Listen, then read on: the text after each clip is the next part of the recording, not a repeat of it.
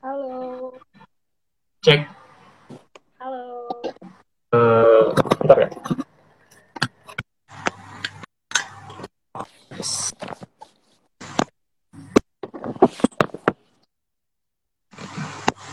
Cek.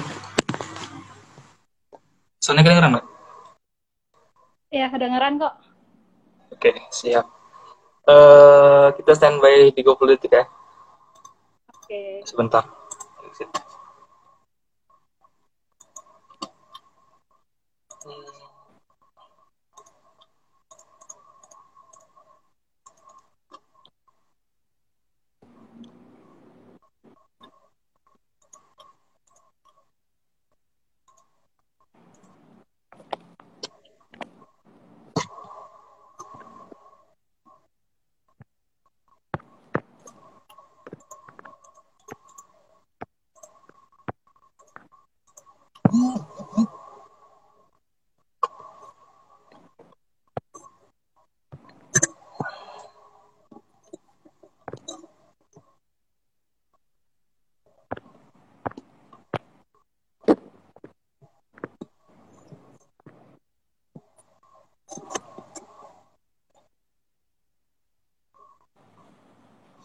Hmm.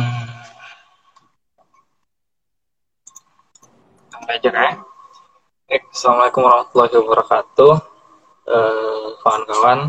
Nah, hari ini aku dua Fakih eh, sebagai anggota magang di Dinas Kastrat dan hari ini insya Allah bakalan jadi moderator di acara bincang dengan HMJ dan episode hari ini yaitu Imatek KMFT Unsri. Nah, sebelum ke materi, uh, aku sebagai perwakilan dari BMKM Unsri mengucapkan selamat datang kepada adik-adik uh, calon mahasiswa, mahasiswa baru Fakultas Teknik jalur SNMPTN, terutama uh, khususnya dari jurusan Teknik Kimia. Dan hari ini uh, kita bakal bahas tentang Ikatan Mahasiswa Teknik Kimia bersama narasumber yang udah udah sama saya yaitu Kak. Kak siapa Kak? Uh, Nuka Aurelia. Nuka dari Teknik Kimia angkatan 2018. Angkatan 2018. Nah, sebelum ke apa materi apa sih apa sih Matek dan sebagainya, uh, mungkin sedikit, sedikit intermezzo ya. Uh, kalau bahasannya di kampus itu kalau kita bagi ada ada tiga ranah. Yang pertama ranah universitas, dan ranah fakultas, dan ranah di jurusan. Nah kemudian eh, eh, di ranah universitas ada BEM yang koordinasinya sama UKM, baik UKM bahasa, UKM eh, keilmiahan, UKM pencipta alam dan lain-lain. Dan di jurusan juga ada kayak namanya himpunan mahasiswa dan himpunan mahasiswa juga uh, mengkoordinasi uh, banyak uh, banyak uh, badan semi otonom dan lain-lain. Nah, Himatek ini merupakan himpunan mahasiswa dan himpunan mahasiswa ini uh, bo hanya boleh diikuti oleh mahasiswa yang sejurusan dan kita bahkan bakal bahas meng meng mendalam mengenai Imatek ini sendiri bersama Kak Nuga. Dan selanjutnya Kak, uh, mungkin kenalan lebih dalam lagi kakak di Imatek sendiri sebagai apa dan tupoksinya apa? Oke, okay. uh, eh, makasih ya Faki atas kesempatannya. Di sini sebelum kita mulai kenalin Imatek, biarin kakak izinkan kakak memperkenalkan diri terlebih dahulu. Nama kakak Siap. dari Teknik Kimia Angkatan 2018 Kampus Palembang. Di sini saat ini kakak hmm. menjabat di Sekretaris Departemen Hubungan Masyarakat atau Humas. Nah, di Matek sendiri itu dari struktur kepengurusan ada Bupati, Bupati, Sekretaris Jenderal, dibantu oleh dua biro, Biro Perekonomian dan Biro Medinfo, empat departemen dan empat, empat departemen yaitu Departemen Humas, PPSDM, Keilmuan dan Kesnor. Nah, di bawah terdapat satu badan semi otonom yaitu Chemical Engineering Research Club atau yang biasa disebut CHURCH. Kalau dari hmm. saat ini sih masih yang kepengurusan 2020-2021 itu seperti itu. Hmm, Oke. Okay. Uh, eh, tadi ada empat departemen ya? Iya. Mungkin ini apa? Uh, apa? Uh, agak agak asing bagi siswa-siswa SMA. Boleh dijelasin lebih dalam nggak tentang apa sih Kesnor, apa sih keilmuan dan apa sih SDM dan sebagainya? Oke, okay. kalau dari empat departemen itu kan ada humas hubungan masyarakat. Mungkin sudah biasa kalian di SMA itu seperti PR, public relation hampir mirip. Itu prokernya berfokus ke hubungan antara internal di, di internal kampus dan juga eksternal hmm. antar kita kerja sama. Kemudian ada PPSDM, pengembang SDM. Hmm. Itu PPSDM fungsinya untuk meningkatkan sumber daya manusia yang ada di Imatek. Dan itu juga biasanya PPSDM ini berkaitan dengan rekrutmen, latihan dasar organisasi. Kalau di PPSDM itu lebih ke anggota internal. Nah, kalau di kesenian hmm.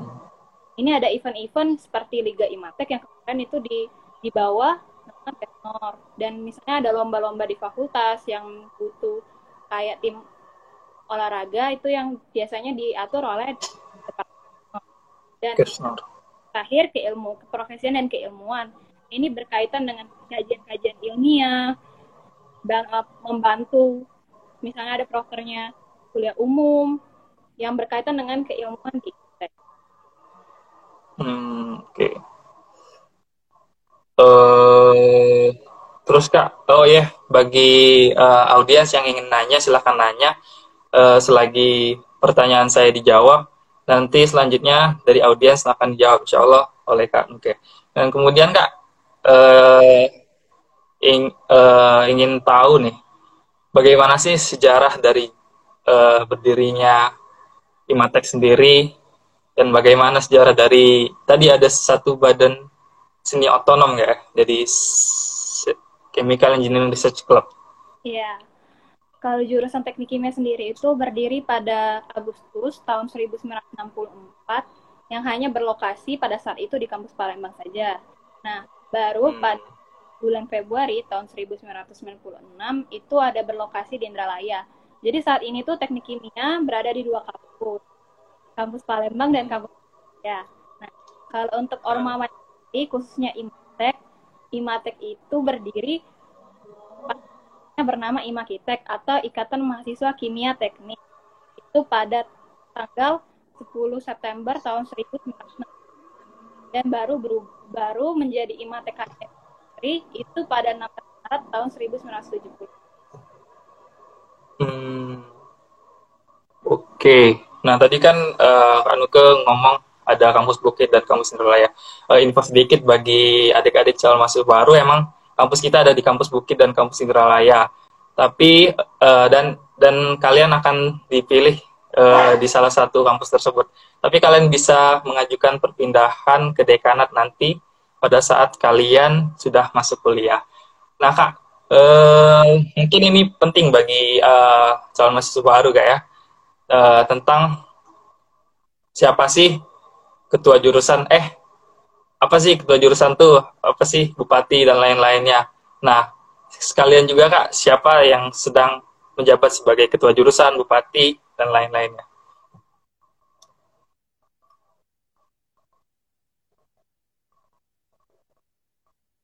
Kak kedengeran nggak cek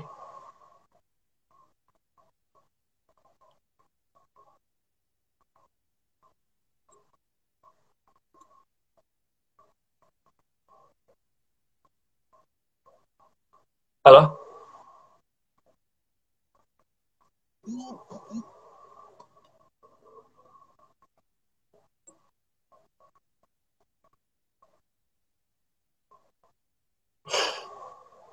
Kak Nuke jangan grogi.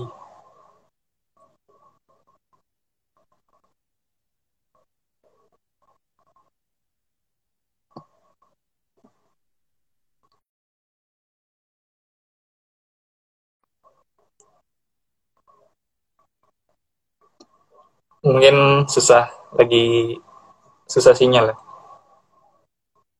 Kita lagi.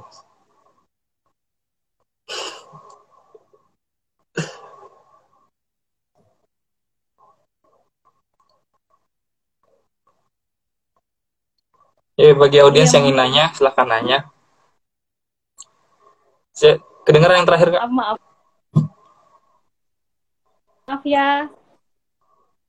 Iya, ada koneksinya. Sekarang? Masuk. Kok? Uh, yang terakhir kedengeran nggak? Uh, belum belum sampai kedengaran Paki.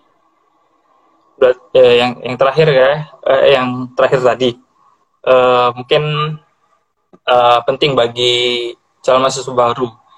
Uh, tentang tadi kan kak jelasin tentang bupati dan lain sekalian kak uh, tentang struktural lengkapnya yaitu ketua jurusan bupati dan lain-lain.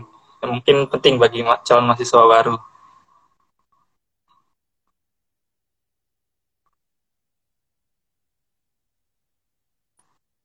ya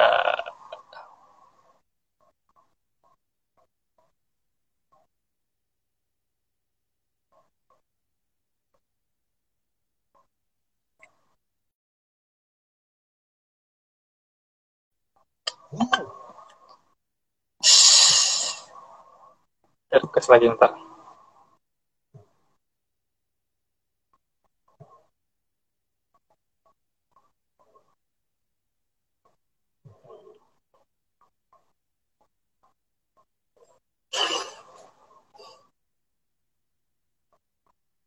Ya kawan-kawan yang mau nanya, silahkan nanya.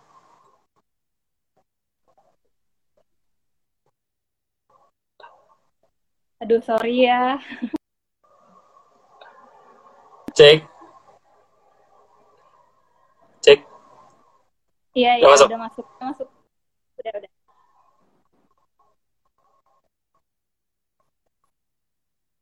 Masih susah nih. Tadi terakhir tentang strukturalnya, Kak. Siapa, siapa sih ketua jurusannya, siapa sih bupati, dan lain-lain. Di, di teknik kimia unsri.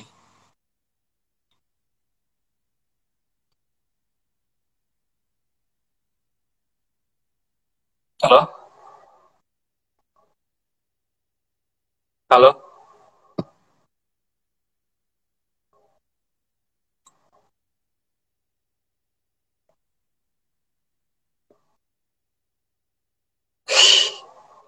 Bentar ya. Lagi susah. Halo, Kak?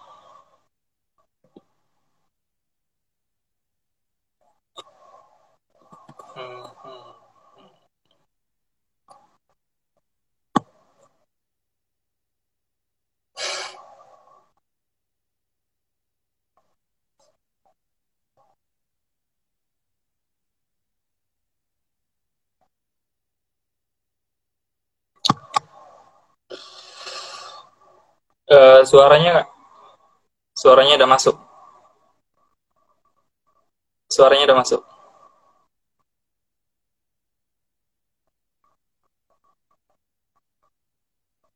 Suara, suaranya.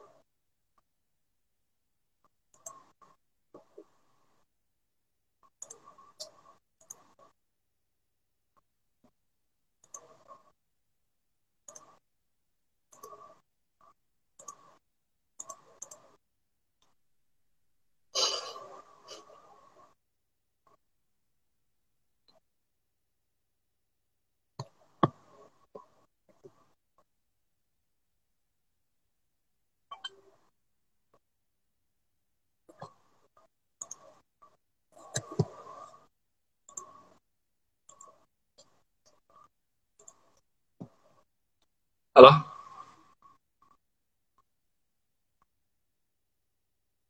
Cek.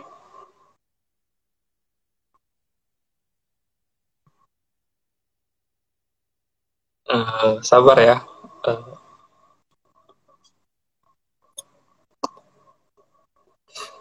Mm -hmm. hmm, hmm, hmm.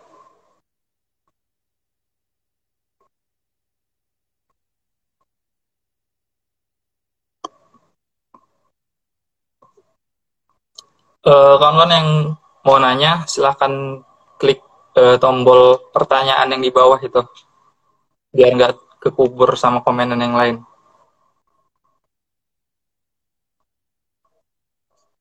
Ini udah udah bisa di scroll.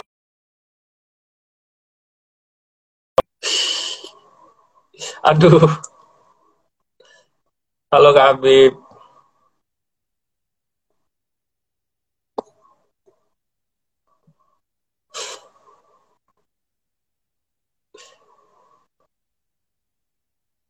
Uh, ya bagi teman-teman yang mau nanya, mohon maaf.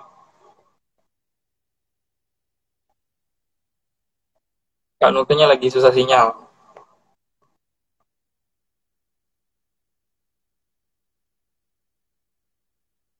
Yang mau nanya silahkan pencet tombol pertanyaan yang di bawah supaya nggak kekubur sama komenan yang lain.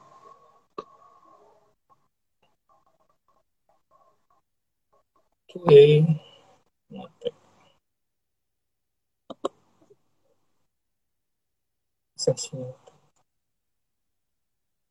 Oke, Faki kedengeran nggak suaranya? kedengeran, kedengeran. Iya kayak kayak nggak kedengeran terus. Oke. Okay. Oke. Okay. Ya, boleh sudah dilanjutin ya? yang tadi? Ya sudah sudah. Sorry tadi. Nah ini kenapa pula? Halo. Bentar, bentar, bentar.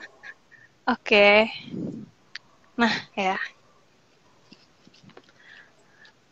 Jadi ada pertanyaan. Dari yeah. Kak Syafira. Oh iya. Krim akred internasional ya.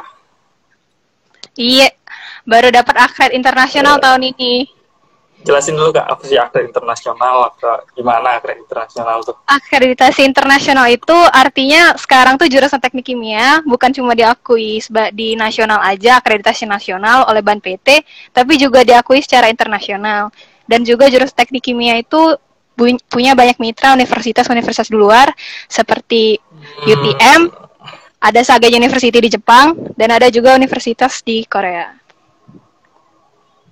Oke. Okay. Uh, yang terakhir juga tentang struktural di Matek sama di teknik kimia. Siapa sih ketua jurusannya? Siapa sih bupatinya? Ini ketua jurusan teknik kimia itu dipimpin oleh Dr. Haji Insinyur Syaifulda dan sekretaris jurusannya itu dipimpin oleh Dr. Haji Leili Nurul Komaria STMT. Dan untuk bupati sendiri itu dipimpin Bupati Imatek sendiri di Ormawa itu dipimpin oleh Kak Arik Kamal Zasya dari Teknik Kimia 2017. Wakilnya ada Kak Torik Akbar dari Teknik Kimia 2017 dan sekretaris jenderal kita itu dari angkatan 2018 yaitu Kak Aan Saputra. Nah, untuk hmm. Badan Semi Otonom Church itu dipimpin oleh ketua ketuanya Ahmad Julianto dari Teknik Kimia 2018 dan wakil ketua Church itu dari Teknik Kimia 2018 juga namanya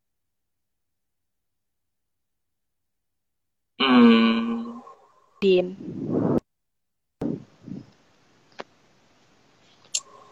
Uh, ini audiens ini tombol pertanyaannya. Di samping apa ya send send live ini. Di samping komentar ini ada tanda pertanyaan. Nah nanyanya di situ aja biar nggak kekubur sama uh, komenan yang lain.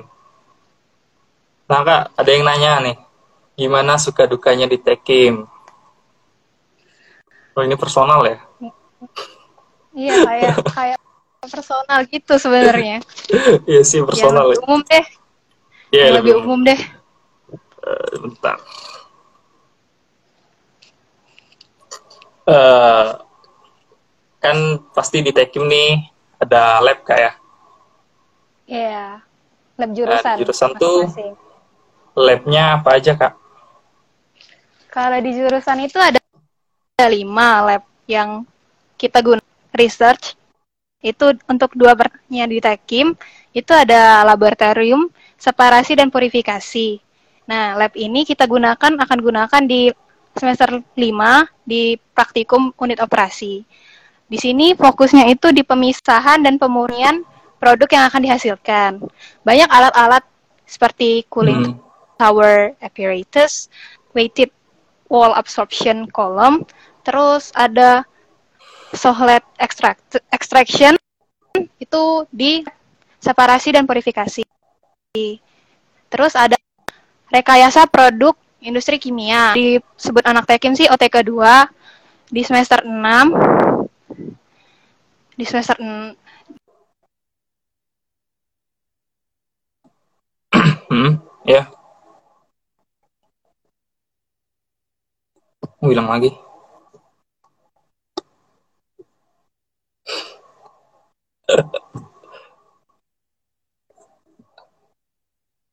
Ntar.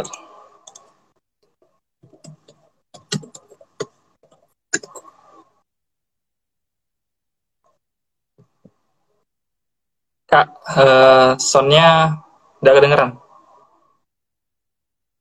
Suaranya nggak kedengeran?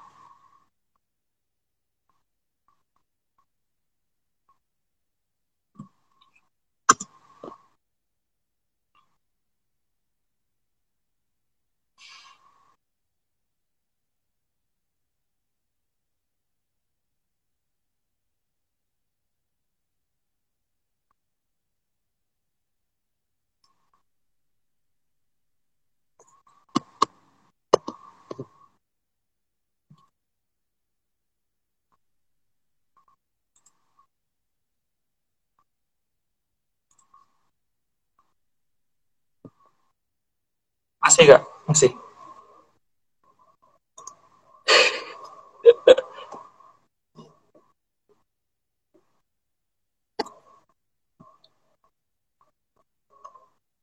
Eh, kawan-kawan sementara komennya aku nonaktifin dulu biar jadi pertanyaan yang di atas.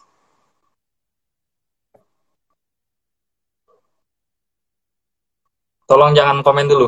Jangan, tolong jangan komen dulu.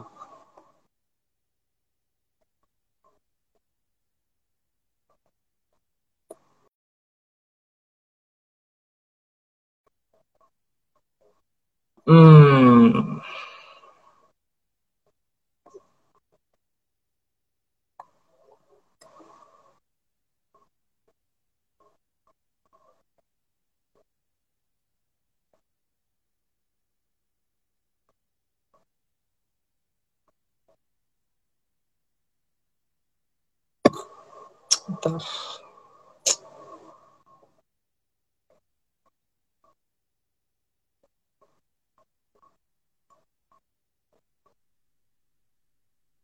Kayaknya soalnya. Ya, kedengaran. Oke, dilanjutin lagi. Di, dilanjutin aja ya. Iya, dilanjut aja. Ya. Penjelasannya. Uh, computational dynamics itu fokusnya untuk komputasi di teknik kimia itu menggunakan software untuk membantu nanti untuk membuat PFD (process flow diagram) di rancangan pabrik dan juga kita ada mata kuliah komposisi dan simulasi proses dan mata kuliah pilihan CFD itu biasanya digunakan kita praktikumnya di lab CFD atau di laptop. Hmm. Hmm. Ini ada pertanyaan kak, KMK apa yang kakak disukai di Tekim? Oh, maaf deh, kakak belum mengambil kimia, lab katalis dan bioproses. Di lab ini tuh berhubungan okay.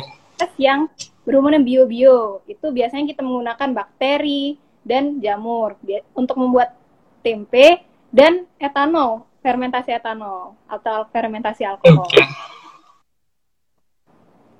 Hmm. Eh, yang mau nanya silakan nanya lagi. Maaf ya tadi pertanyaannya kita karena kita mulai ulang lagi. Ya, sorry. Uh, Work. Uh, jadi kak, uh, mungkin masih bingung ya? Apa sih uh, se secara general apa sih yang dipelajari di teknik kimia? Kalau yang mikir di teknik kimia itu belajar kimia, dokter itu. dokter. Karena di teknik kimia itu kita kan belajar matematika, integral, diferensial, sama Hmm. Dengerin, dengerin. termodinamik. Semua ba- basic matematik sama fisik, nggak ada chemistry-nya sama sekali. Oke. Ya, eh, kalau untuk output sendiri kak, nanti prospeknya ke mana dan jadi apa gitu?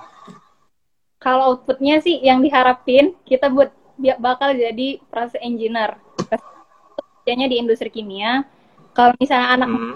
terusin di bagian mesin-mesin besar kayak alat motornya, eh, turbinnya. Nah, kalau di teknik kimia itu kita menyelesaikan permasalahan reaksi kimia yang berkaitan di dalam alat-alat itu. Hmm, oke. Ini ada yang nanya, kak bisa pindah kampus nggak? Skupnya itu luas teknik kimia. Oke, oke. Oh, saya pindahan Ah, dulu tembak. hmm. Jadi emang bisa pindah kampus ya, kawan-kawan? Dari Indralaya ke Bukit atau Bukit ke Indralaya. Tapi kalau mau pindah kampus keluar Unsri ya SBM lagi.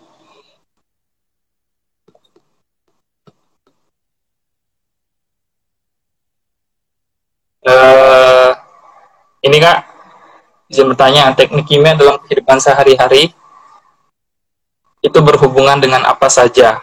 Makasih kak.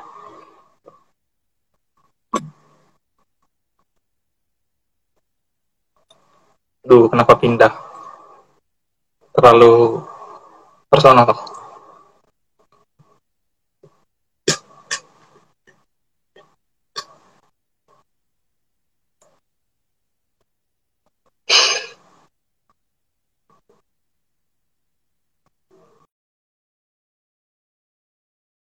Ih, ya keluar lagi. Bentar ya.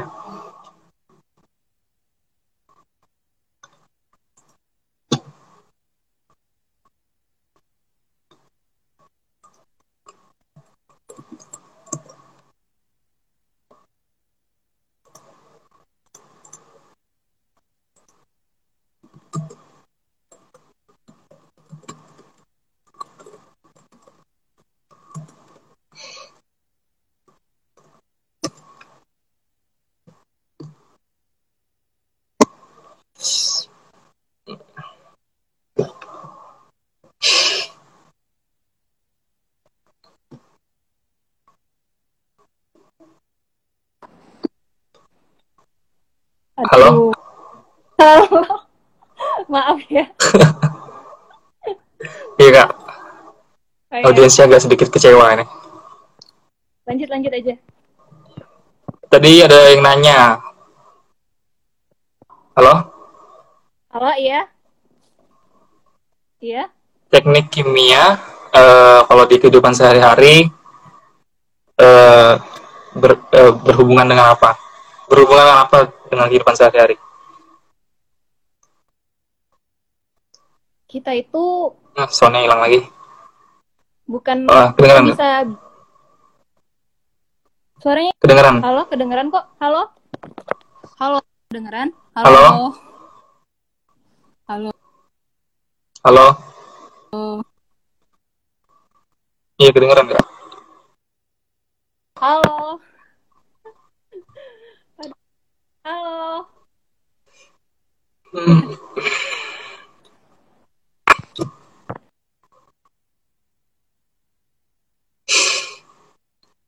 Oke, kawan-kawan.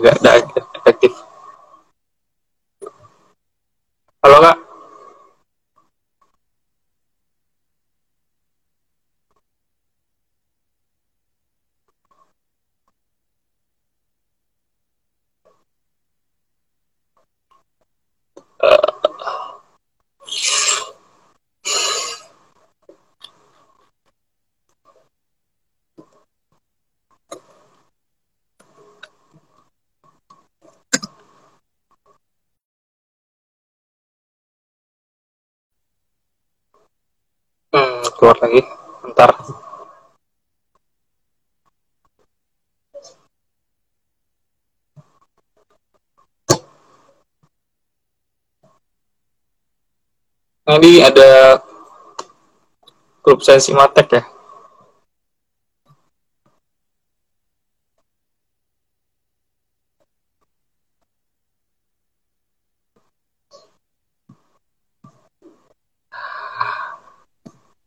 Sorry ya. Halo, halo kak, ya, Ya.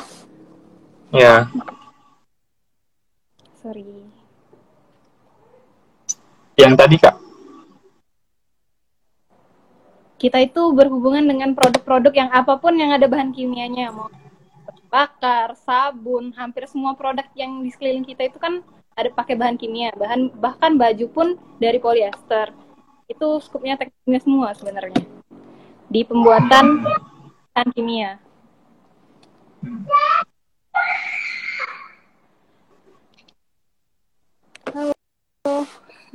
eh, bentar ya. Pertanyaan kubur semua. Kak OTK itu apa ya? OTK.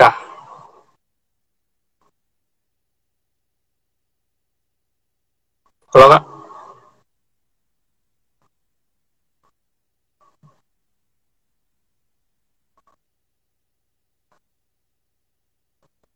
Ya.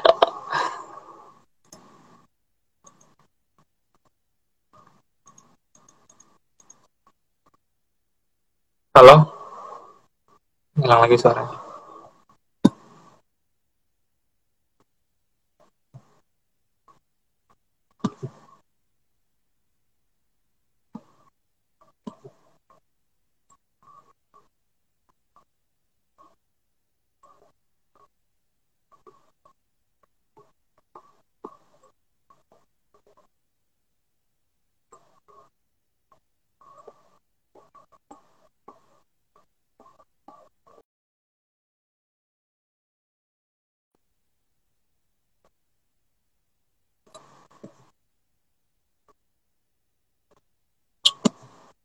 Bentar ya.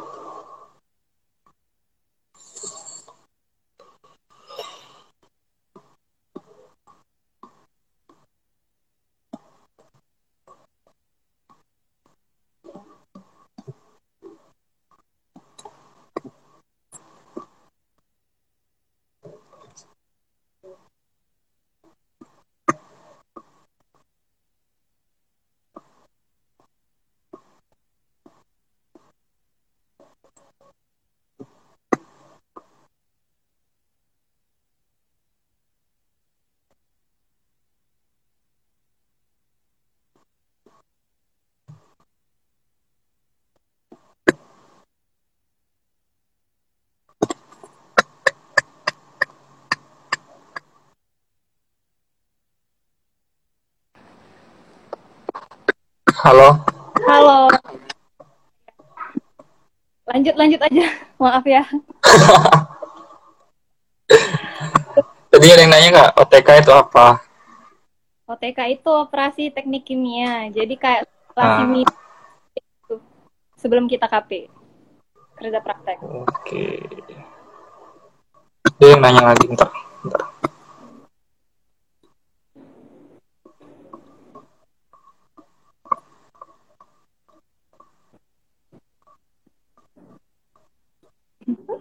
Kak mau nanya mengenai yang aku baca apa? Apa iya ya kalau kelas lab atau praktek wajib itu nggak boleh ambil double pada satu semester ya kak?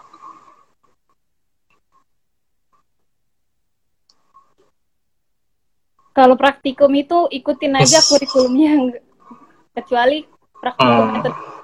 sama praktikum CFD. Boleh ambil atas kalau misalnya kayak sisanya itu kan ke Indralaya ya. Kayak baik ikutin paket tunggu semesternya aja. Ini ada pertanyaan lagi kak. Eh, pelajaran SMA apa yang paling banyak? Halo? susah lagi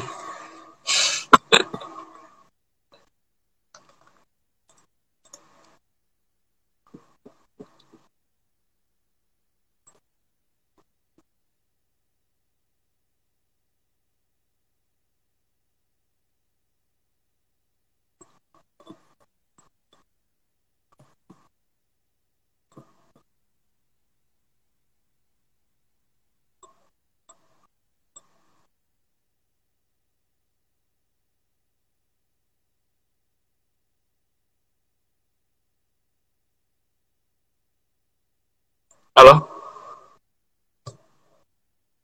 Cek soundnya.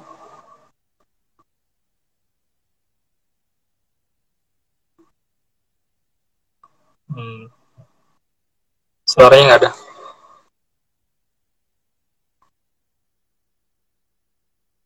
Soundnya su- su- suara suara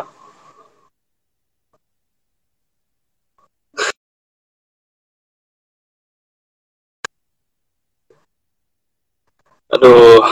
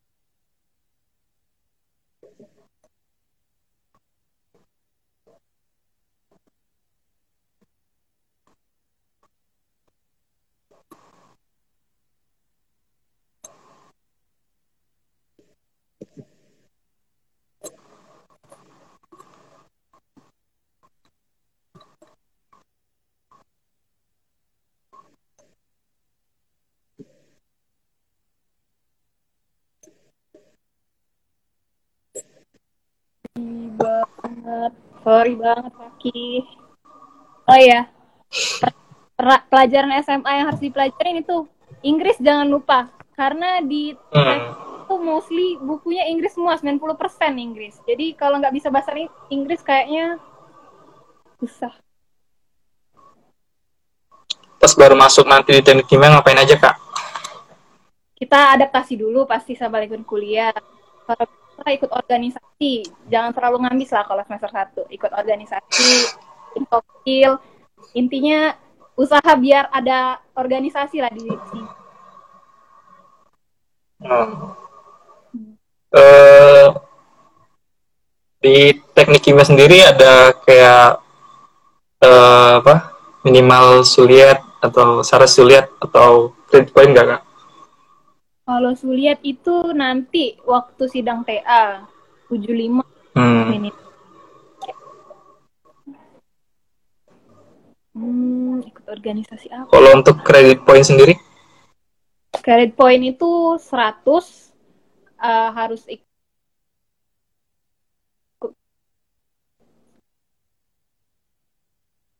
banyak-banyak ikut seminar sama organisasi sih biar banyak credit pointnya. Oke. Ya kawan-kawan yang mau nanya lagi silahkan. Tapi jangan terlalu personal ya.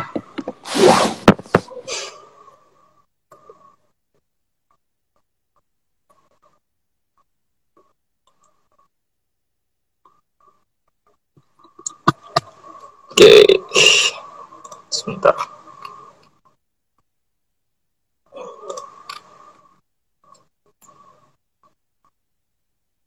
Ada suaranya nggak? Halo? Cek. Satu, dua, tiga.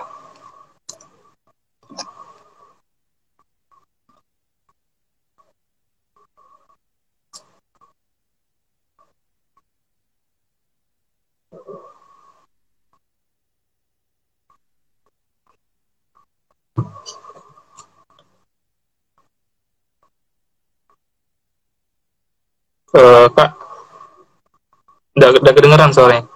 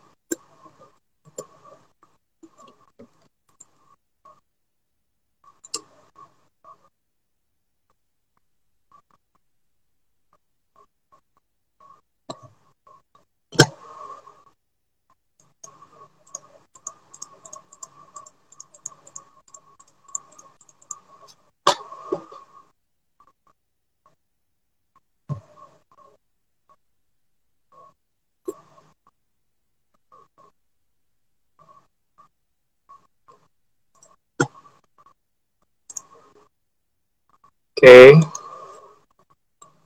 Pertanyaan tampung dulu ya. Kanuknya lagi relock pakai headset lain. Bentar.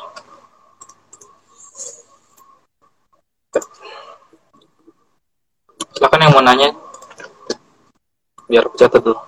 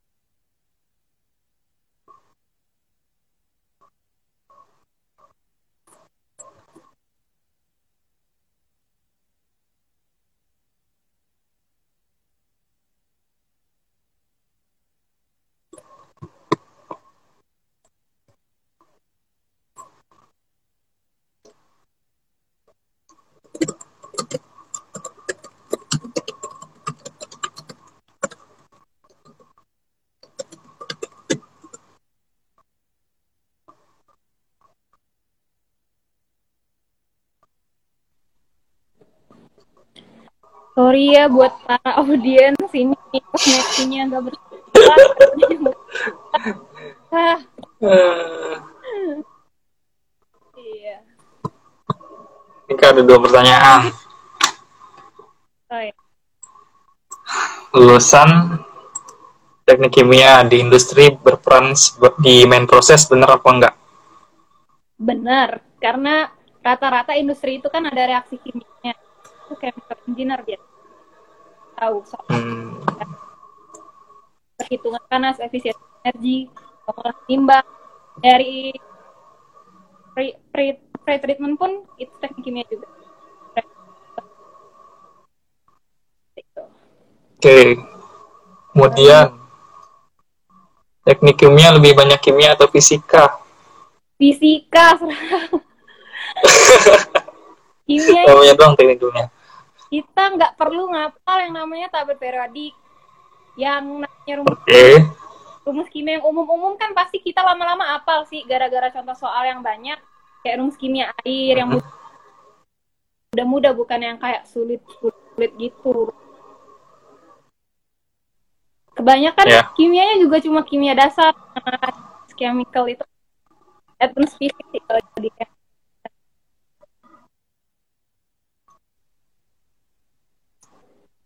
Oke, ada lagi yang mau nanya?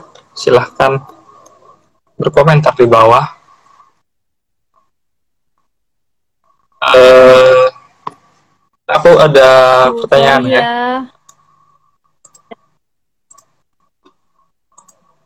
Halo? Boleh. Halo, iya. Kedengeran kok. Eh, kan di di MIPA juga ada kimia. Itu yang perbedaan paling dasar tuh apa? Antara MIPA kimia sama teknik kimia.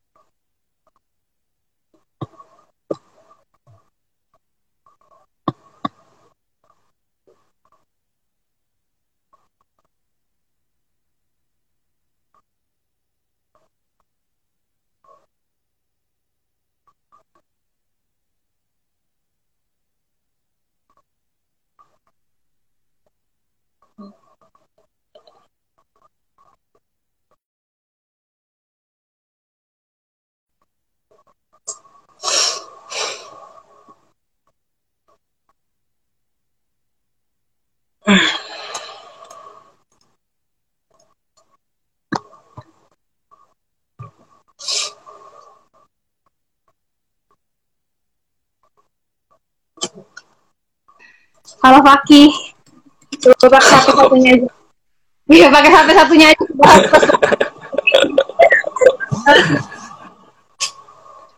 Ada yang nanya kak, oh iya, boleh? selain industri lulusan teknik kimia bisa ke mana lagi? Kita bisa jadi konsultan, bisa jadi peneliti, inventor, ataupun kita bisa juga jadi PNS di Kemen LH ataupun jadi ahli-ahli, misalnya ahli lingkungan, pengamat ini, pengamat lingkungan, pengamat proses yang efisiensi proses tuh si skupnya terus kalian juga bisa jadi entrepreneur kok dari teknik kimia Jadi tidak selalu berhubungan dengan industri ya? Nggak selalu cuman mostly sih bisa juga ke analisis data kan sekarang itu sudah Internet of Things ya revolusi industri 4 itu sudah banyak kayak programming programming yang butuh analisa data kita juga bisa masuk ke scope analisa Hmm, Oke. Eh, aku ada pertanyaan nggak? Eh, kan eh, untuk tahun ini Imatek bawa bawa apaan sih yang beda dari tahun-tahun kemarin? Kalau tahun ini kita banyak lebih banyak ke masyarakat kalau tahun ini baik dari church Oke. maupun dari matengnya sendiri ini kita tahun ini bakal ngadain pengabdian yang tahun sebelumnya juga ada sih cuman tahun ini tuh lebih fokusnya ke pengabdian dan hubungan internal di kampus sama hubungan eksternal juga Oke. Eh, kan himpunan sendiri ya bisa jadi faktor penting dalam sebuah akreditasi jurusan. Nah, kalau Imatek sendiri ada program kerja rutin nggak yang bisa dicontoh lah sama jurusan-jurusan lain? kalau yang mesti dicontoh sama jurusan lain itu latihan dasar organisasi ya karena kami legal latihan dasar organisasinya nggak ada perpeloncoan jadi malah dosen datang ada pemateri itu mungkin bisa dicontoh sama jurusan lain ya Oke, oke. Karena kalau kami bikin proker itu pasti semuanya sudah di ACC sama dosen tahun ini masih tahun periode ini yang berani eh, ngajak dosen untuk ikut proker Kok- pokoknya Oke. salut sih sama bupati yang tahun ini Keren, keren, keren.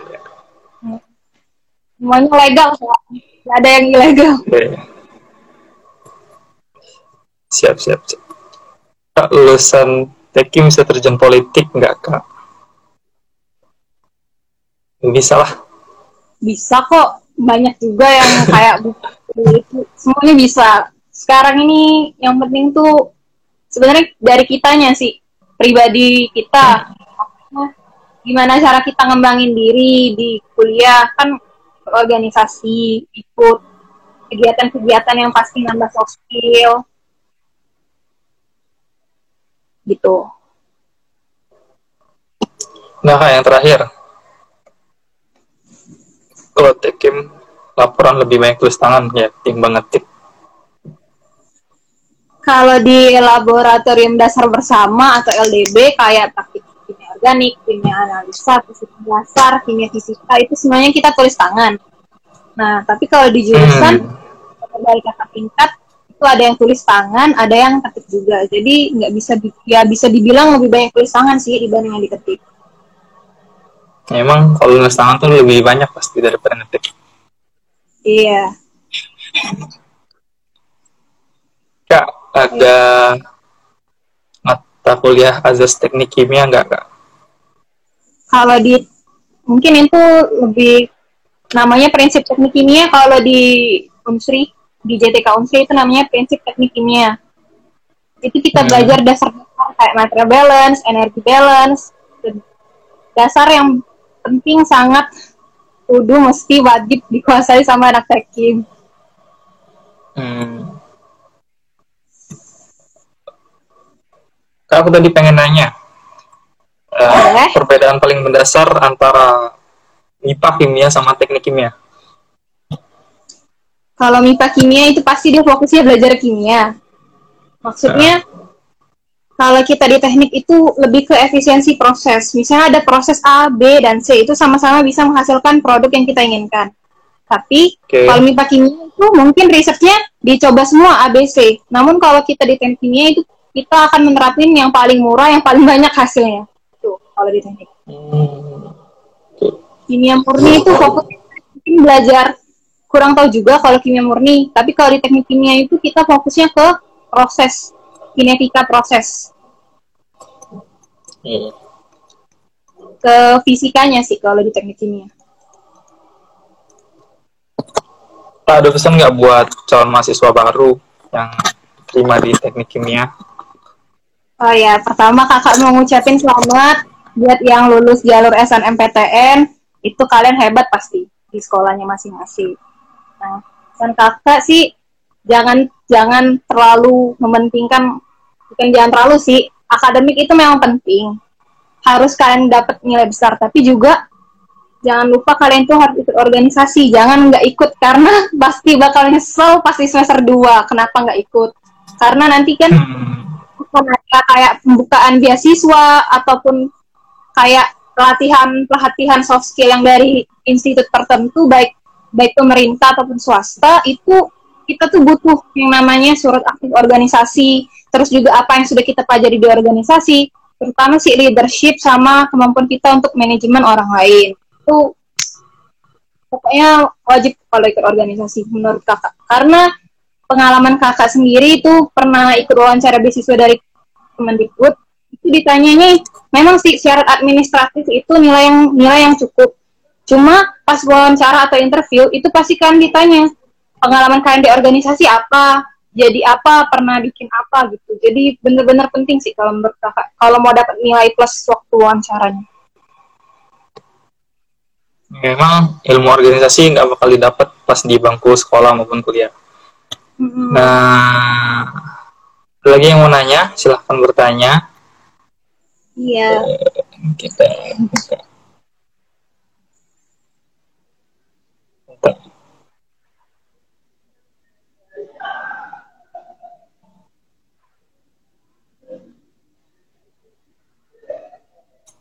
Kakak ikut organisasi apa? eh organisasi itu kalau rutin dari semester kalau di SMA kakak pernah ikut eh, namanya Gita itu redaksi majalah. Nah kakak juga jadi humas di, di sana untuk nyari sponsor. Hmm. kemudian di semester satu kakak gabung di keluarga mahasiswa Budis Palembang atau KMBP itu organisasi perhimpunan mahasiswa Budis satu kota Palembang kemudian di semester 2 itu kakak join church IMATEK BKKM TKI Sam, eh, Badan Koordinasi Teknik Kimia Indonesia, BKKM TKI, Chemical Engineering Research Club, sama IMATEK. Nah, di semester eh, di semester baru-baru ini kakak join di komunitas nuklir komunitas muda nuklir nasional bagian Palembang. Lagi. Itu ngapain nggak? Yang nuklir. Kalau nuklir itu kita bikin kajian tentang nuklir. Kan biasanya nuklir itu dianggap tabu ya kalau masih di Indonesia. Cuma Iya, seru kok. Banget. Kalau misalnya di luar negeri itu udah advance nuklir perkembangannya itu. Jadi Oke. bener-bener kita ya tertarik sih ke nuklir. Jadi ikut makanya komun. Kalau Itu sih sosialisasi ke masyarakat juga ya? kita ya kalau komun itu sekarang lagi ada bincang-bincang nuklir itu bisa kalian cek di IG Komun Palembang ada Hmm. teman nuklir di bidang budaya heritage Nah, gitu itu Kak, bagaimana cara menyeimbangkan organisasi dan kuliah, Kak? kalian makanya ikut organisasi kalian harus lihat waktu pembagian waktu time manajemennya terus kalau bisa ikut Oke. organisasi yang memang kalian tuh minat gitu jadi nggak bakal ada yang namanya kata capek kalau kalau habis kuliah tuh capek nah itu nggak ada jadi benar-benar minat kalian lah sesuai minat kalian mau mengembangin diri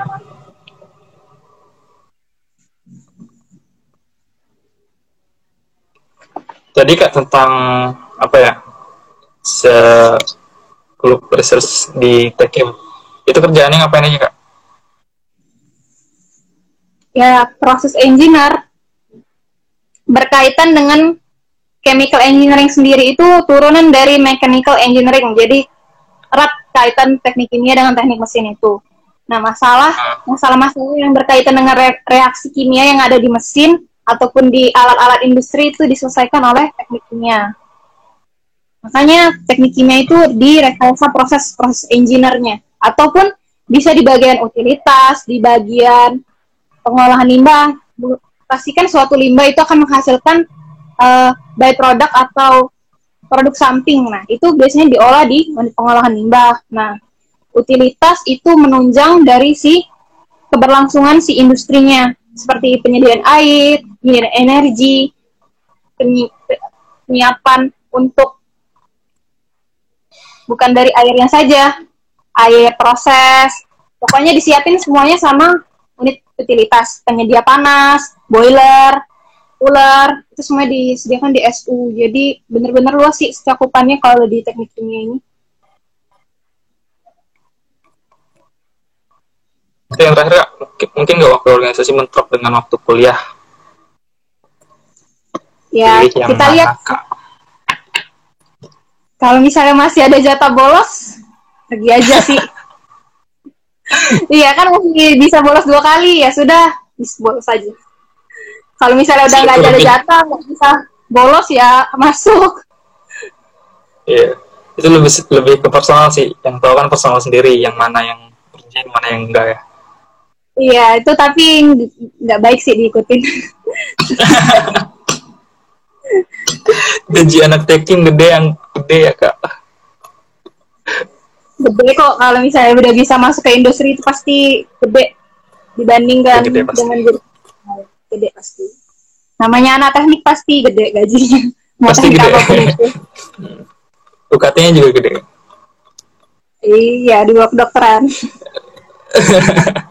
Kalau yang penasaran gimana caranya mau pindah kampus Palembang, itu caranya itu kalian tuh bikin dulu surat pernyataan, terus kalau misalnya ada BEM, ada bantuan dari BEM untuk mendata yang mau pindah, itu langsung pokoknya gercep mendaftar kalau mau pindah. Iya, langsung. Tunggu sekitar satu sampai satu setengah bulan itu nanti setelah keluar surat dari rektor itu kalian fotokopi absennya segala macam itu baru bisa pindah ke kampus Palembang. Bayar pengenapan UKT uh, juga Palembang. Ya. Kalau ke Palembang UKT-nya naik kalau nggak salah ya iya Nah, Kak, ada penjurusan lagi nggak di Tekim? kalau penjurusan lagi itu kayak misalnya mungkin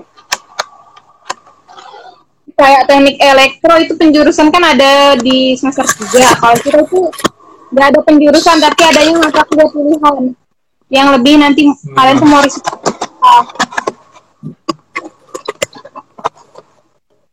ya mata kuliah pilihan bukan penjurusan sih kalau di Tekim masih satu jurusan masih satu bidang Mata kuliah pilihannya apa ya?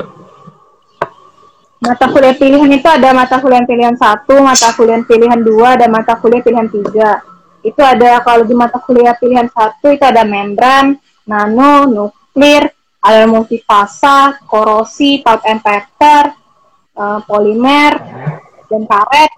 Terus di mata kuliah pilihan dua itu ada teknologi bahan makanan, TFD, ada KKN, ada pengolahan limbah B3, ada teknologi material maju itu berhubungan dengan material sih, material pembuat reaktor, material yang asas banget di teknik kimia gitu. Hmm, Oke. Okay. Ada lagi? Kalau untuk tugas akhirnya sendiri harus sesuai mata kuliah pilihan apa enggak? Disarankan sama dosen lebih baik sesuai mata kuliah yang kalian pilih. Jadi lebih kayak hmm kalian lebih dapat gitu ilmunya waktu researchnya juga gitu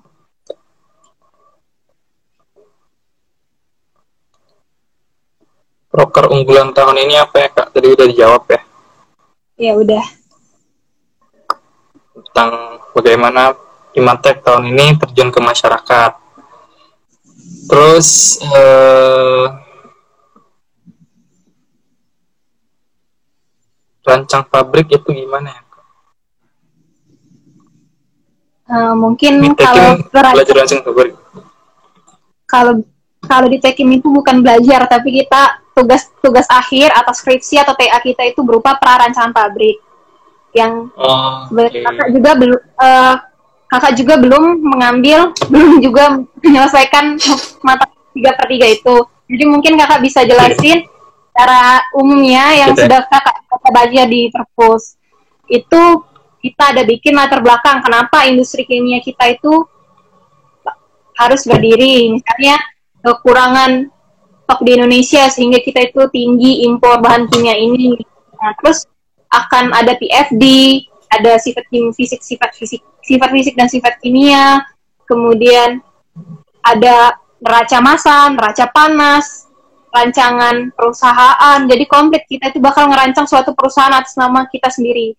Nah di teknik kimia sendiri itu kita ma- eh, kerja praktek research dan eh, rancangan pabrik prarancangan pabrik itu berdua dengan partner atau sendirian. Tapi disarankan berdua sih berdua berdua. Kalau misalnya ganjil satu pasti nggak ada partner. Ada partner partner partner nyebutnya kalau di teknik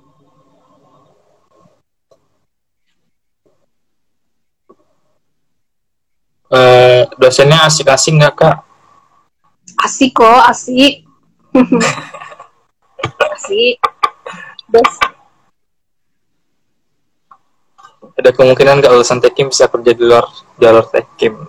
Bisa. ah, bisa. Karena sekarang tuh yang penting tuh kalian maunya gimana cara ngebentuk dirinya. Mungkin kalau misalnya nanti kuliah di luar tekim kerjanya itu ambil prinsip yang kita sudah pelajarin di tekim analisa pokoknya analisanya itu. Yang di teknik yang benar-benar kayak logik tekniknya itu nah dapat itu pasti bisa kerja di mana aja logik teknik engineering logics. Gitu. Ada lagi? Nah, apa be- apa beda kampus di Indonesia sama kampus di Palembang? ke kalau sebenarnya kalau misalnya dari dosen pengajar dari materi yang disampaikan itu 100% sama. Yang membedakan hanya lokasinya saja. Nah berhubung rumah kakak di Palembang dan kakak sulit bangun pagi jadi kakak ngampus di Palembang aja. Gitu Jadi emang banyak yang pindah baik ke Indralaya atau memang Palembang ya karena jaraknya antara rumah sama kampus itu dekat ya. Itu Ya, eh, alasan paling umum. Iya alasan yang paling umum Praktikumnya kak Ada. di Indralaya atau di kampus Palembang juga? Eh, kalau misalnya praktikum di lab jurusan dan lab laboratorium dasar bersama itu dilaksanakan di Indralaya karena kan lokasi lokasi labnya itu juga di Indralaya tapi kayak praktikum CFD ataupun praktikum metode numerik itu dilaksanakan di kampus masing-masing itu TA-nya berdua kak. iya TA-nya dikerjakan berdua bersama partner Oke. saling partner Kemudian apa syarat lulusan dari TKIM ya baru masuk udah mau lulus? yang pasti sudah menyelesaikan 144 SKS itu minimal Oke. kan dari kampus Unsri dan dari seluruh jurusan harus selesai 144 SKS baru bisa Iya, iya, Lulus. iya. ada kerja praktek 1 per 3 research 2 per 3 dan TA 3 per 3 jadi setelah 144 dan tambah 3 ini sudah lulus kalau di lulus Hmm,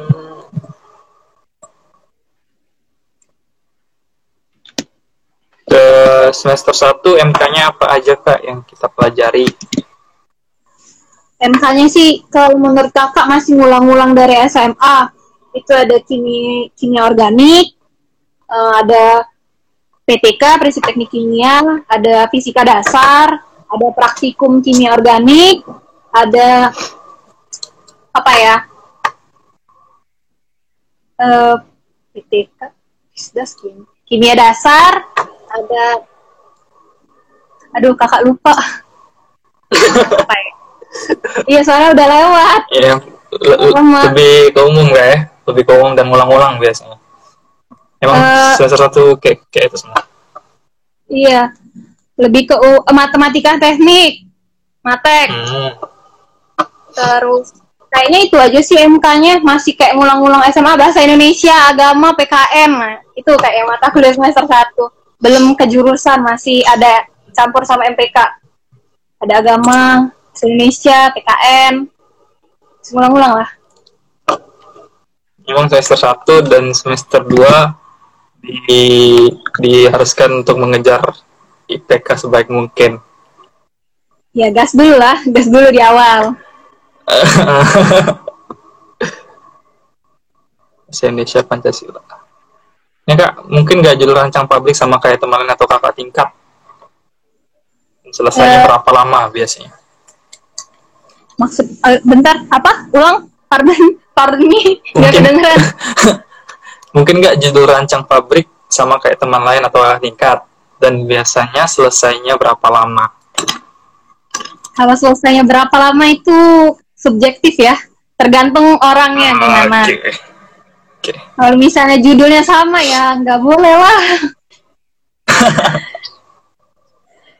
Ngapain kuliah kalau nyontek yang orang lain 100% sama, apalagi untuk tugas akhir kan? Nggak dibolehin. Kita juga ada cek plagi plagiarisme juga kok waktu lapor bikin laporan itu sama dosennya. Eh, bentar ya mau ngecharge. Oke. Oke.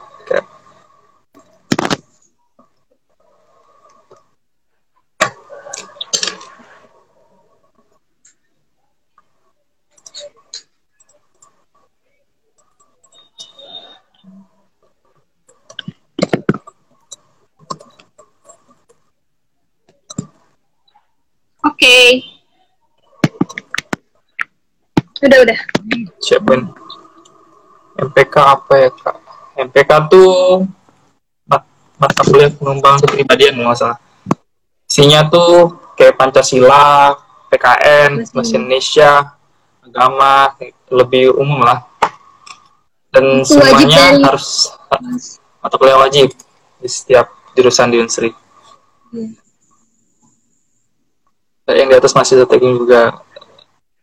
Aku teknik teknik mesin 2019. Iya, ada lagi pertanyaannya? Oke. Ada lagi. Nah, terakhir terakhir Den. Berarti kalau tahun-tahun lalu sudah rancang pabrik senyawa X, berarti kita nggak boleh lagi senyawa X tersebut, Kak. Apa?